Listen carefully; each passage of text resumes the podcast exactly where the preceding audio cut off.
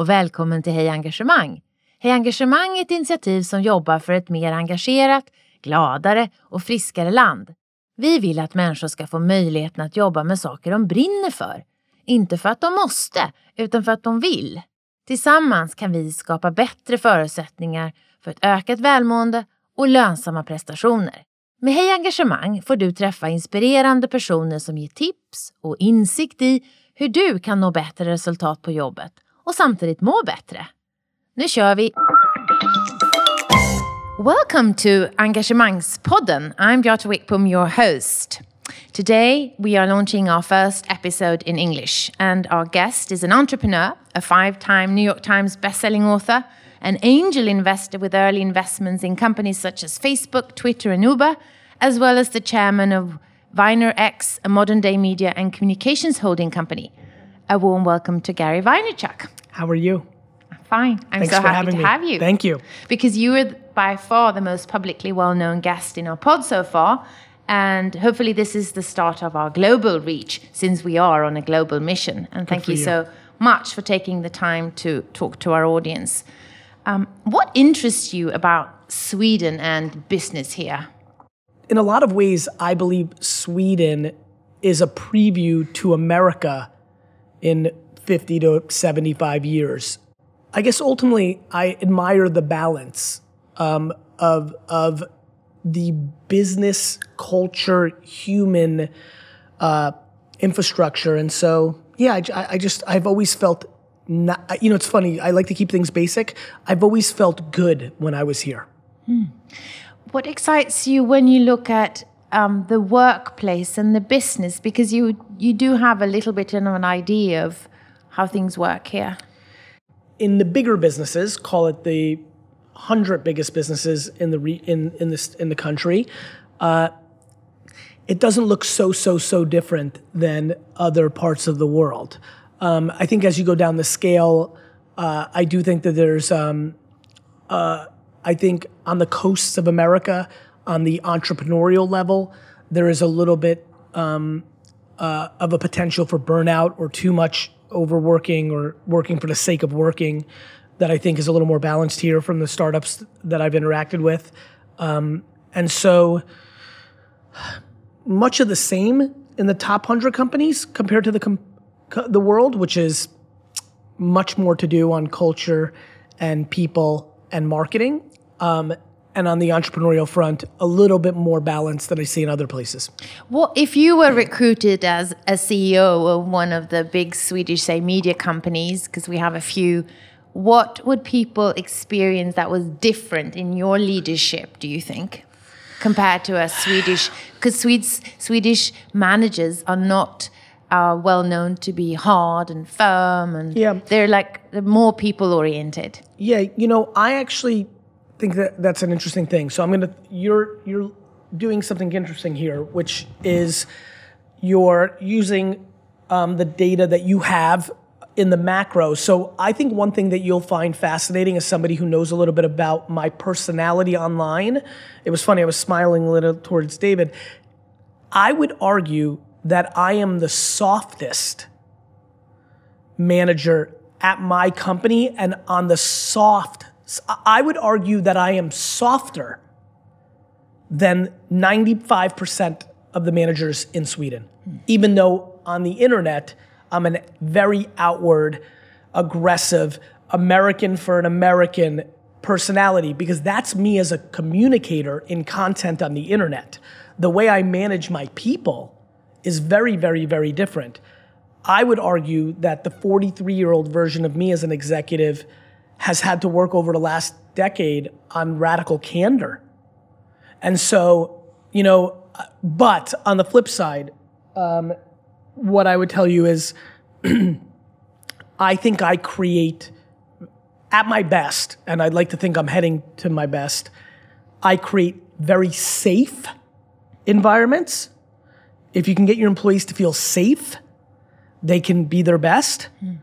However, I do think that some of the advanced laws in trying to create safety and balance also creates entitlement and softness. Can you describe what a soft leader is? You use the word soft. I use the word soft too. Yeah, I, I was following your lead, but I think what we're saying, and I'm sure everybody who's listening, and by the way, I'm honored to be the first English guest.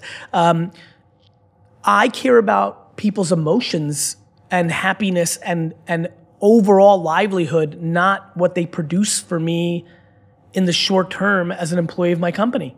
I don't know what else to say. I care more about. I look at our voluntary retention numbers ten times more than I look at our profit margin.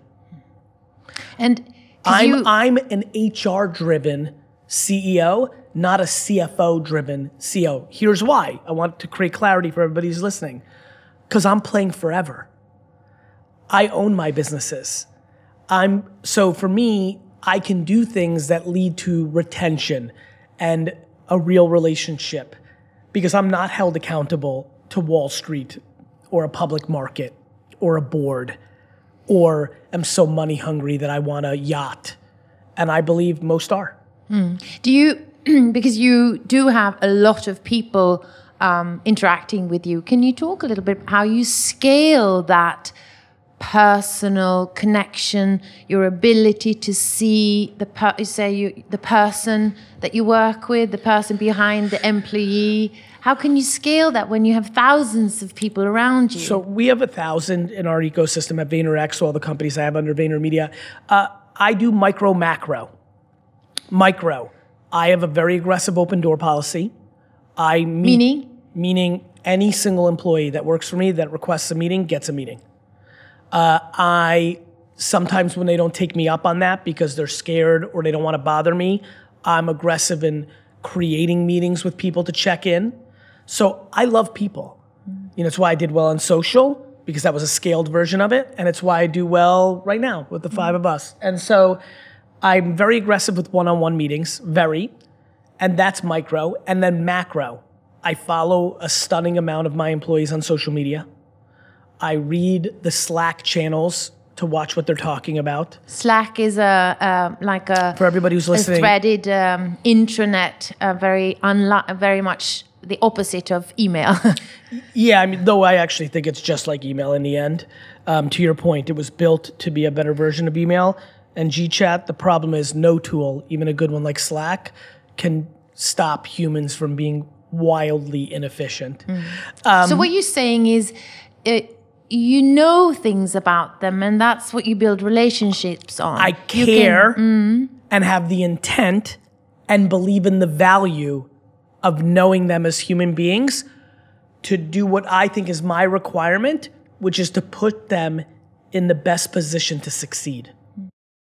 You know, something I said yesterday to the London office was everything at VaynerMedia is my fault. There's a thousand things wrong right now. There's eight to 80 people that are responsible for that. But at the end of the day, I hired and empowered those eight to 80. If you are lucky enough to have control and you're listening right now, and if you're listening to this, you care about the things that we care about, please look yourself in the mirror and realize you're the one that has the ability to make the change that you ideologically believe in. What do you mean? It's your fault. That's what I mean. I mean, if if our if we if the snacks in the kitchen stink, if we lost a client, if the micro production team in the LA office is not working well, in the end, every single thing in the company is my fault because I have the power to hire and fire every human that is actually creating that truth. Somebody else would say you're micromanaging. Yeah, I think I think I could be micromanaging in the philosophy, but you know, I think if you speak to anybody who's been a direct report of mine over the last decade, the biggest argument and issue they have is I'm not involved enough. I am in the bat phone business. What that means, since I'm using a, a Batman reference, and I'm not sure how big Batman is in Sweden or now that we're going global on the podcast, uh, I'm in the business of being uh, in responding to. So I have no interest in micromanaging until there's an issue at hand. Um, and so, yes, somebody could say that philosophically, but in actual practitionership or operational, the way this you know, energy that I'm speaking about manifests in reality is you're only putting your finger in the hole that is biggest in your boat at that moment, which means there's a lot of boat left for those people to run. So, just to to give us more an insight of, of you as a leader, when you have those one-on-one conversations, your door is open, someone's coming to talk about a, a challenge or an idea.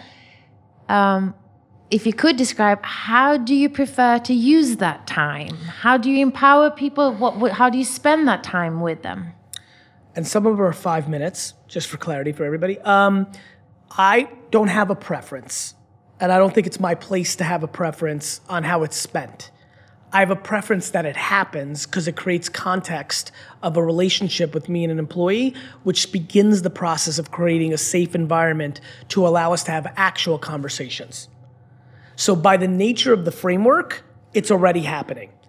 As far as how it's spent, you would be fascinated. People use it to vent, people use it to actually have change be made, people use it to tell me something they've always wanted to tell me.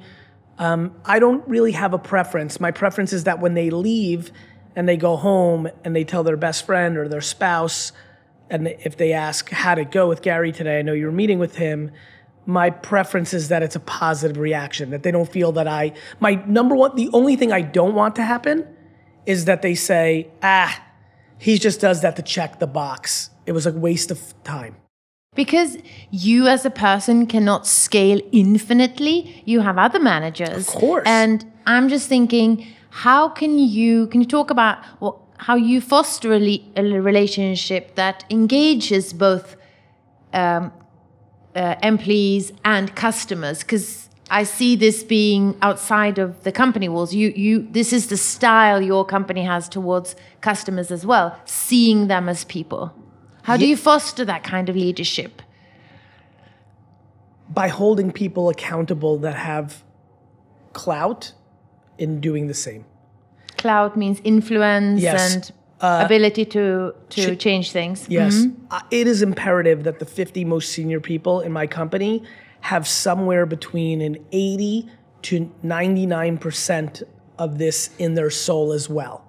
I can't ask them to be 100 percent of the same intent that I have, as much as possible. And then it is my job, back to the earlier statement of everything's your fault. When you have control, it's my job to make the tough decision when somebody no longer is allowed to be in our company when they don't embody that mission.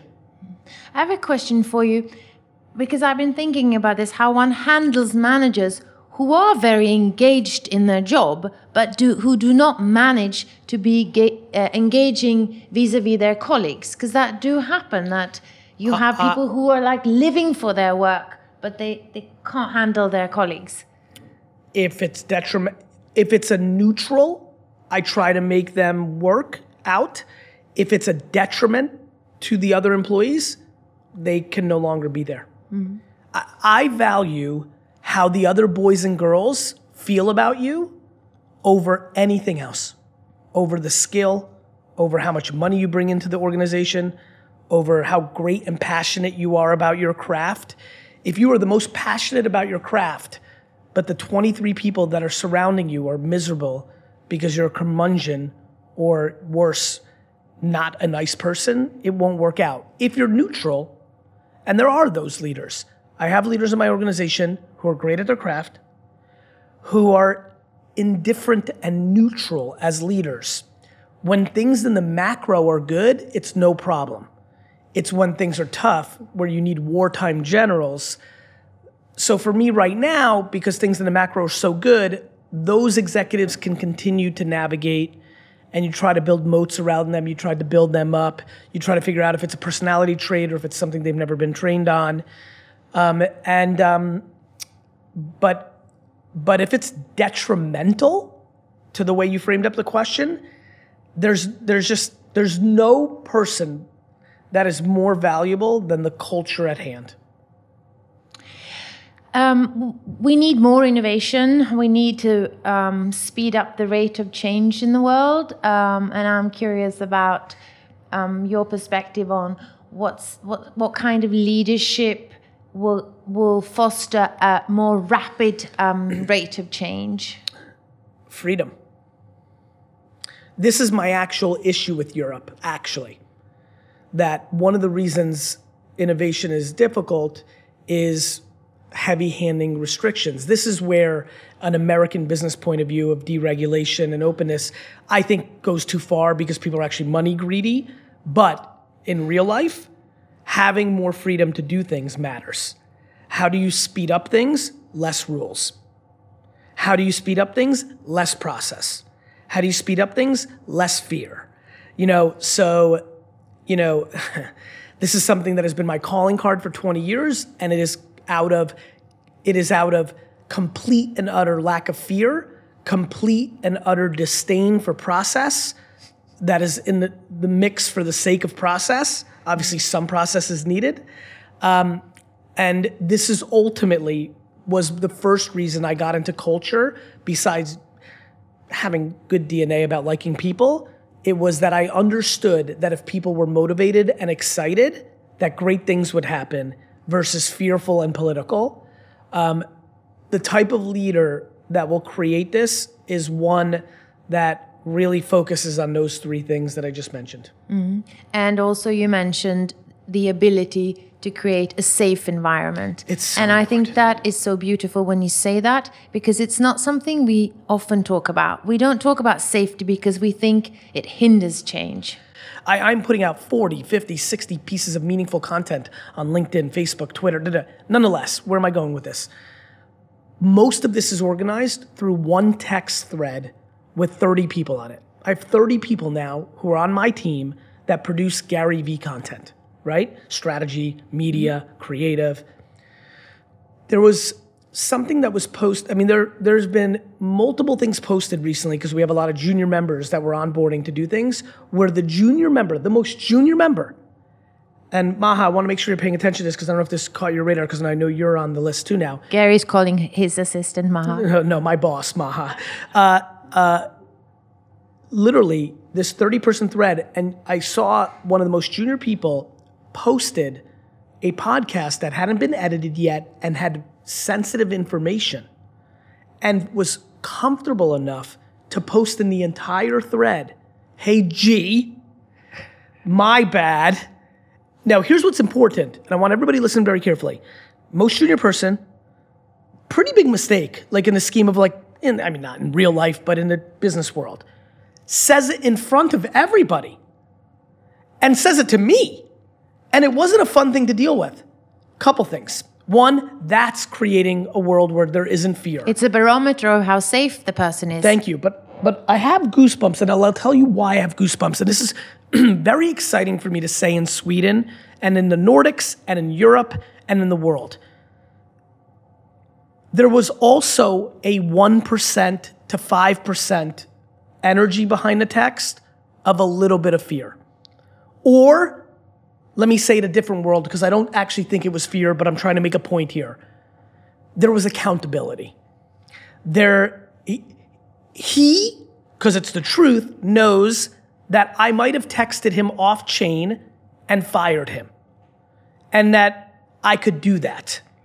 And that you're the boss. Mm-hmm. Yeah, and oh, by the way, because the laws don't require me to give him six months. I mean, this is important. Mm-hmm because because you're emphasizing the difference between the U.S. and and, and I'll Europe tell you why. Mm-hmm. Because I think Europe is so close, and it's just a couple tweaks. I don't think the U.S. has it right. I don't think Europe has it right. And by the way, this is my personal way that I want to run my world.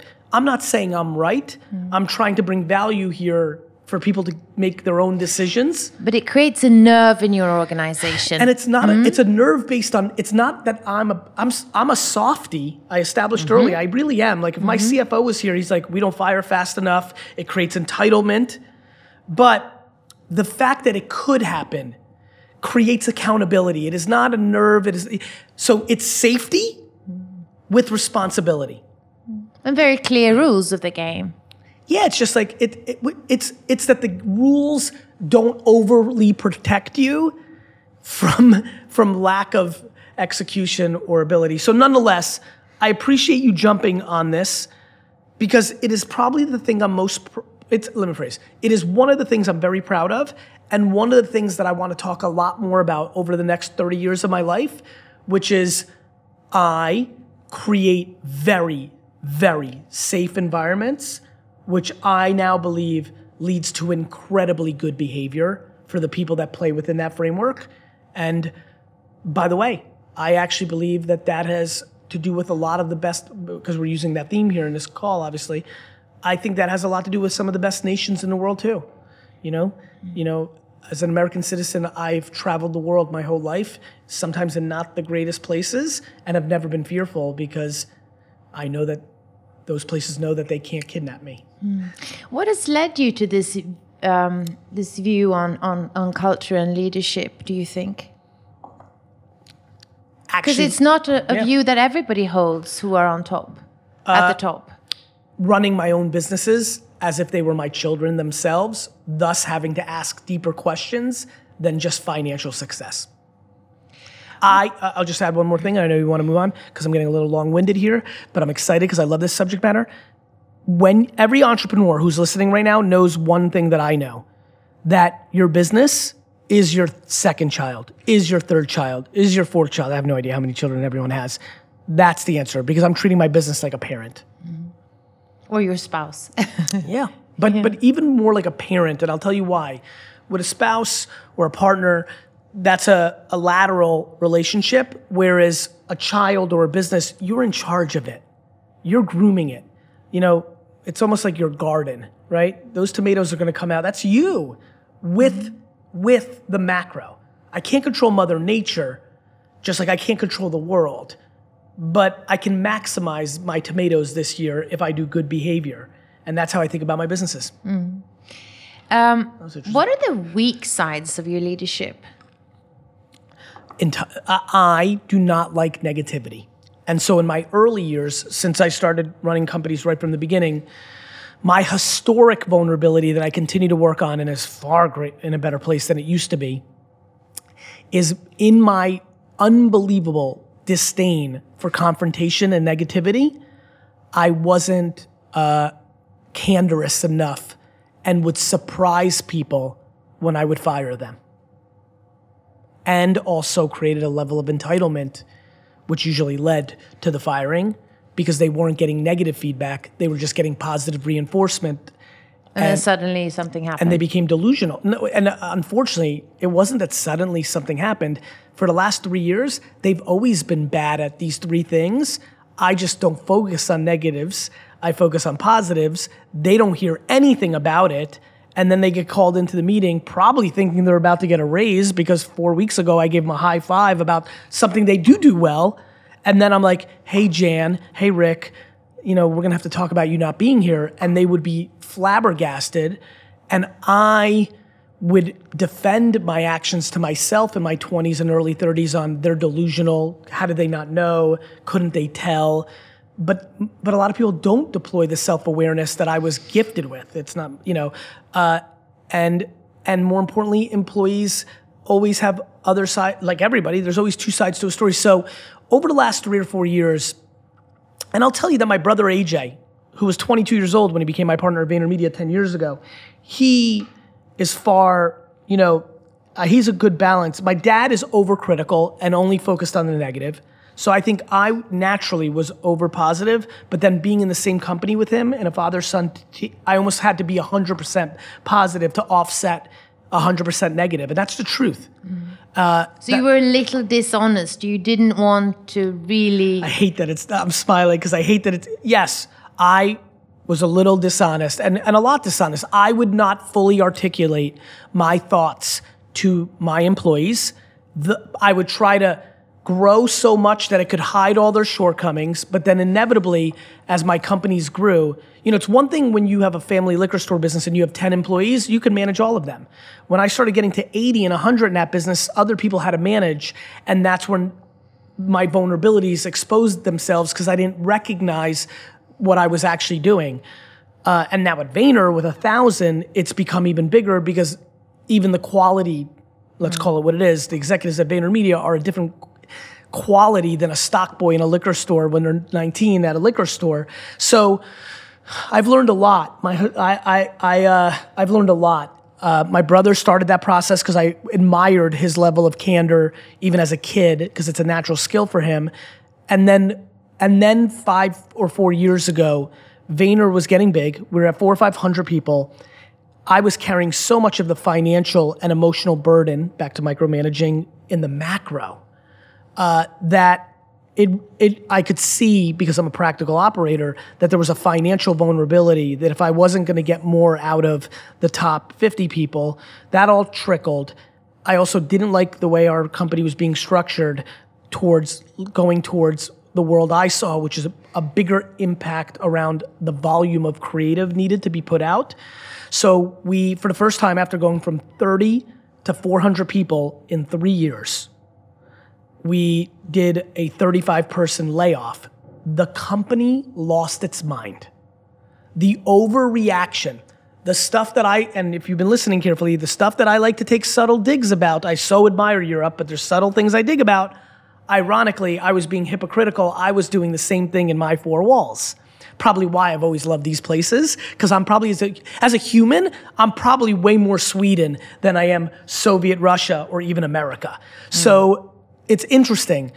That was a really important moment in my career because a couple things. One, I'm going to talk tomorrow about entitlement and I'm going to put pressure on the parents in the room saying, look, if you've been paying for everything for your kid and then at 22 you tell them you're cut off, they're not prepared. And then they're going to be mad at you. Mm-hmm. And we look as outsiders being mad at the kid, you entitled brat. You, you, you think you're entitled to $2,000 a month allowance from your parents? But but you've trained them to not be capable. That's what I did at Vayner, and it was a painful year mm. on our culture, and it's been a big big uh, teaching moment for me. Are you more authentic now? Because you say 100%. you. Because it surprised me when you say um, I used the word dishonest, which was not fair. We should have used the the word uh, non-authentic because you say that you love meeting people. You say you I like do. to build relationships. I do. And I think authenticity is kind of the the fuel for that process. It's so you're taking away um, an ingredient in that relationship. It was by not being completely honest. 100%. Now, what you can imagine though is the recipient of that lack of authenticity enjoyed the shit out of it because it's just positive reinforcement instead of critical feedback. So both parties were quite happy for the majority of that relationship. It was only when I had to deal with the realities of the merit of running an organization that has consequences that I even had to address it. Yeah, it's it's it's not my favorite part. As you can imagine, one of the reasons I have such a big audience in the world is I can be 100% authentic with them because I can't analyze the truth after I engage with them because they move on to their lives and I'm not sitting there living. Unlike VaynerMedia, where after I tell Carol that she's the sweetest sweetheart of all time, that her strategy work is incredible, right? That she's a sunshine in the office, that she's always responsible and hardworking, and she leaves. Meanwhile, I know that clients aren't happy with her or she's incapable of upselling a client, which is becoming detrimental to the business. Your you know, feedback wasn't very helpful then. You're right. Mm-hmm. And and so what's really fun about being a human being, especially one that's probably gifted with a lot of things that do make them successful, is going through the course of your career and deploying humility to understanding your own shortcomings, no matter how sweet they taste for both parties, and then adjusting. And I often have said, that the 43 year old version of me, even though the 25 year old version of me thought he was going to be great and thought he was naturally talented, the experience matters. And it's why I value experience. It's great getting older. it's great getting older. And so I'm proud of A, getting to a place in my life where I could recognize it and address it. And by the way, I'm still not all the way there. If, you know, if we're calling on a scale of one to 10, I used to be a one or two on this. I'm probably a five to 7.5 on this right now, but I'm on my way to it being an eight or nine. I'll never be a 10. It's not naturally in me. Not only am I proud that I've been able to move from zero and one to five to seven, I'm proud that I'm in a place where I can articulate it for 10 minutes on a podcast, knowing that it can help somebody who naturally is in a juxtaposition similar to where I was. You know, I am in the ambulance, firefighting, emergency doctor, bat phone business. I am only built to act in helping for you to succeed within this framework. It's it's it's kind of massive that somebody says that to you. I would be almost moved if my manager said that to me. uh, and I believe when you look at our organization, the people that have been with me for seven, eight years, the people that are winning the most really see it. Mm-hmm. And the people that don't hear it and think it's a think it they deploy cynicism that I'm just want to hear myself speak and it's an ideology and that I won't actually do it. Because what's amazing about employees is how many, and this, by the way, I'm going to set this up on the podcast. I'm actually very excited to say this. I actually think for all the very thoughtful conversation we just had, I can feel it in my body right now. This piece of content may be the piece that brings the most value. I am blown away by how many employees have made judgments on their organizations without trying to address it. The amount of my employees that come into my office on year three call my bluff finally to address something. I address it in 48 hours, within a month, whatever the issue is. They come back and say, I can't believe you did it. And then give me 31 other things that happened in the first 36 months of their tenure, but they decided to be cynical. They vet with their friends at a beer. They talk about it in the girls' bathroom. They tell their mother, but they never told me or the organization. It is the great shortcoming of employees in our world today. My friends, call the company's bluff. Call the bluff. Mm-hmm. I mean, if you haven't gone to HR or to the CEO or however your world is structured, well, then you have no legs to stand on that the company stinks. If you have and they haven't delivered, vent away.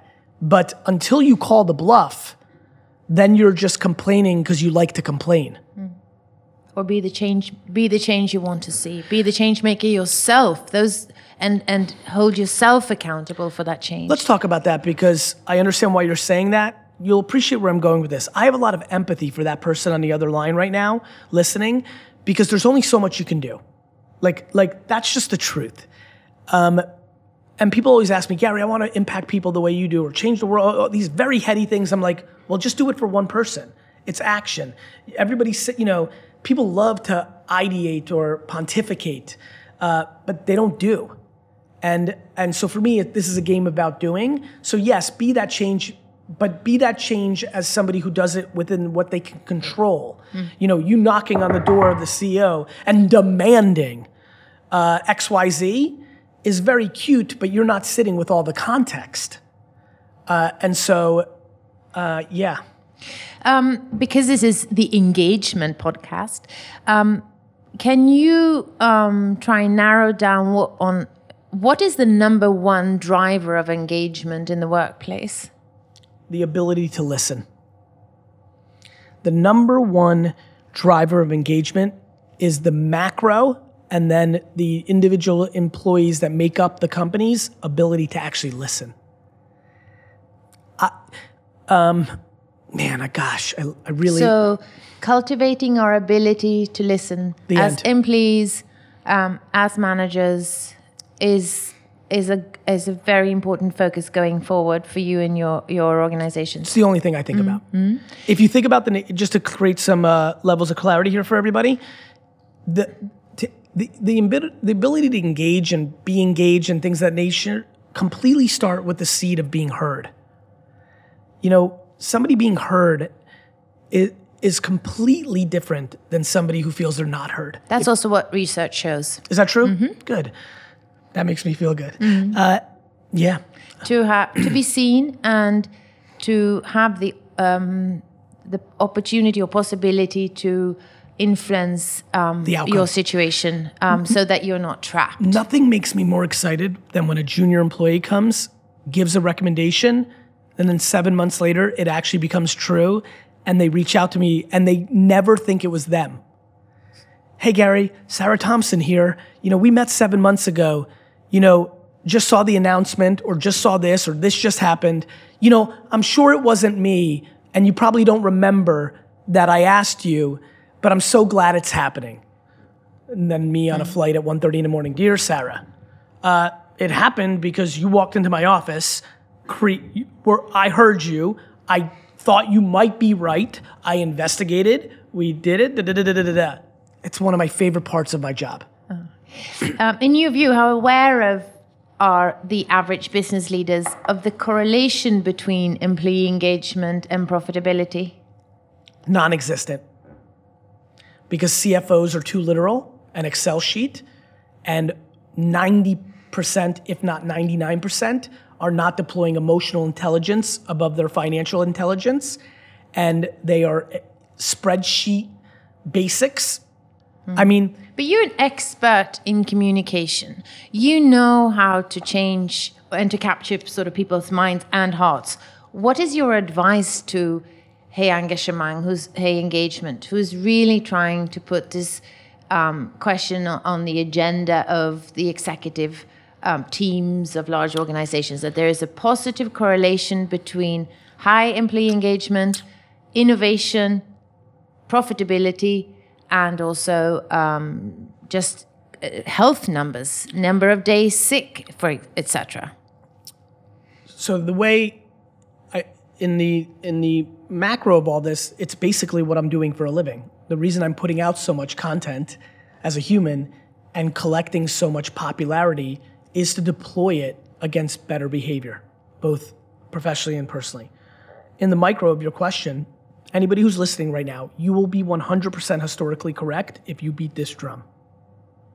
You will be 100% historically correct that employee engagement leads to financial rewards. I have no idea where you, when you hear me say that on how convinced you are right now. Are you a 90%, a 50%? My one take on it is you will be 100% historically correct. No different than the people I'm sure in the 1950s and 60s who were yelling that cigarettes were bad for you when that was still being debated um, became historically correct. I have no idea if the 89 year old who was doing that feels amazing about this, indifferent, bad. I, I don't know. Uh, but that would be my plea, which is if you're like me, wired like me, the, the ambition to be correct and the enjoyment of bringing positivity and practicality to our society and then being revered and admired for that truth when it plays out. If you're lucky enough to have that wiring, please see it through and keep beating this drum because it is you that ultimately makes those changes.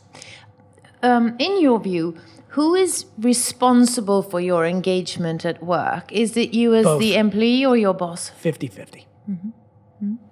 And you you're also a firm believer that anybody could build their own unique business. And i watch a lot of your podcasts, and your number one piece of advice for succeeding is work hard.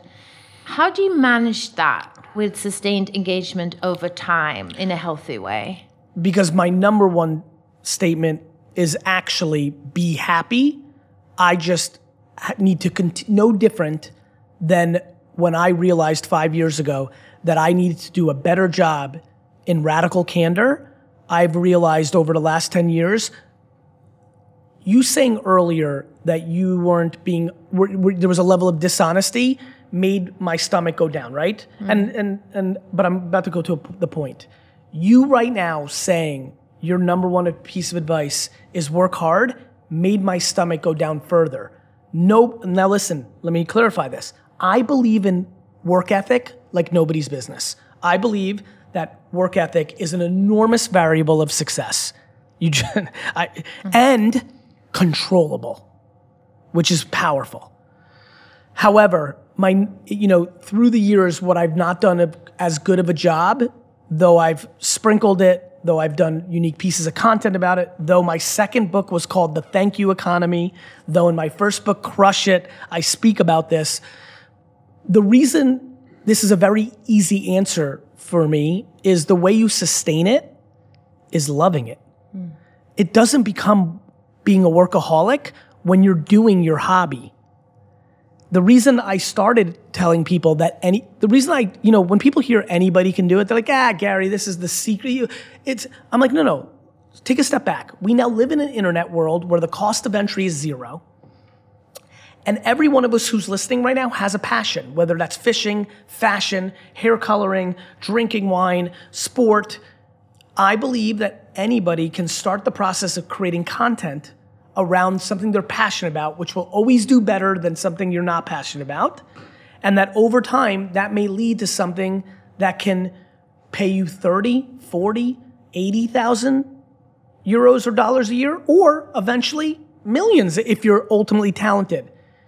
Are you willing to live a humble life that makes 47,000 a year only speaking about blueberry jam?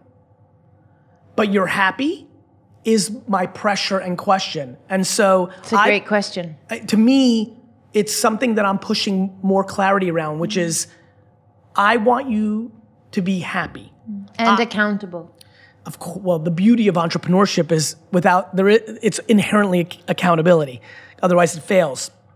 I do want people to be happy, and I actually think accountability leads to happiness. When you think the government's in charge, the the media's in charge, Facebook's in charge, this boss is in charge, when you believe somebody else is in charge of your life, you immediately start the process of unhappiness. Accountability is the framework of happiness. It doesn't mean bad things aren't happening. It's not delusion to the macro injustices of the world. It's called accountability. Can you? We finish off um, by talking a little bit about skills and abilities that are going to be increasingly important. Um, Emotional intelligence. what what else would you like to equip your daughter with in order to Emotional intelligence, self awareness, emotional intelligence, lack of delusion.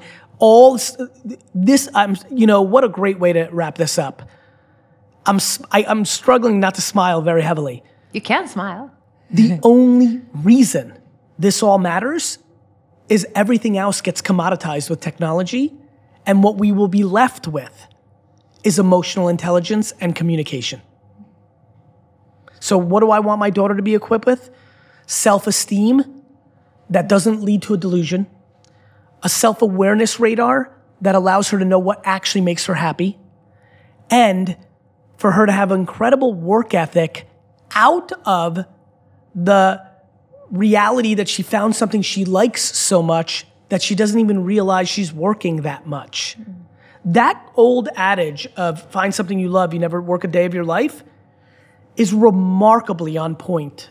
And most people think it's baloney, except for that small percentage that actually have found what they're best at and they love the most. And because we might, in Europe at least, get something what we call basic income in a few years, um, because technology will do some parts of the jobs that we're doing, you really need to find what you love, because otherwise, what are you going to do and all honestly, day? Honestly, I think basic income, and I don't know the details on this, but if you're alluding to being subsidized because technology is taking your job, um, this is where I do think in Europe, and this is a US conversation as well, that is where I do get concerned.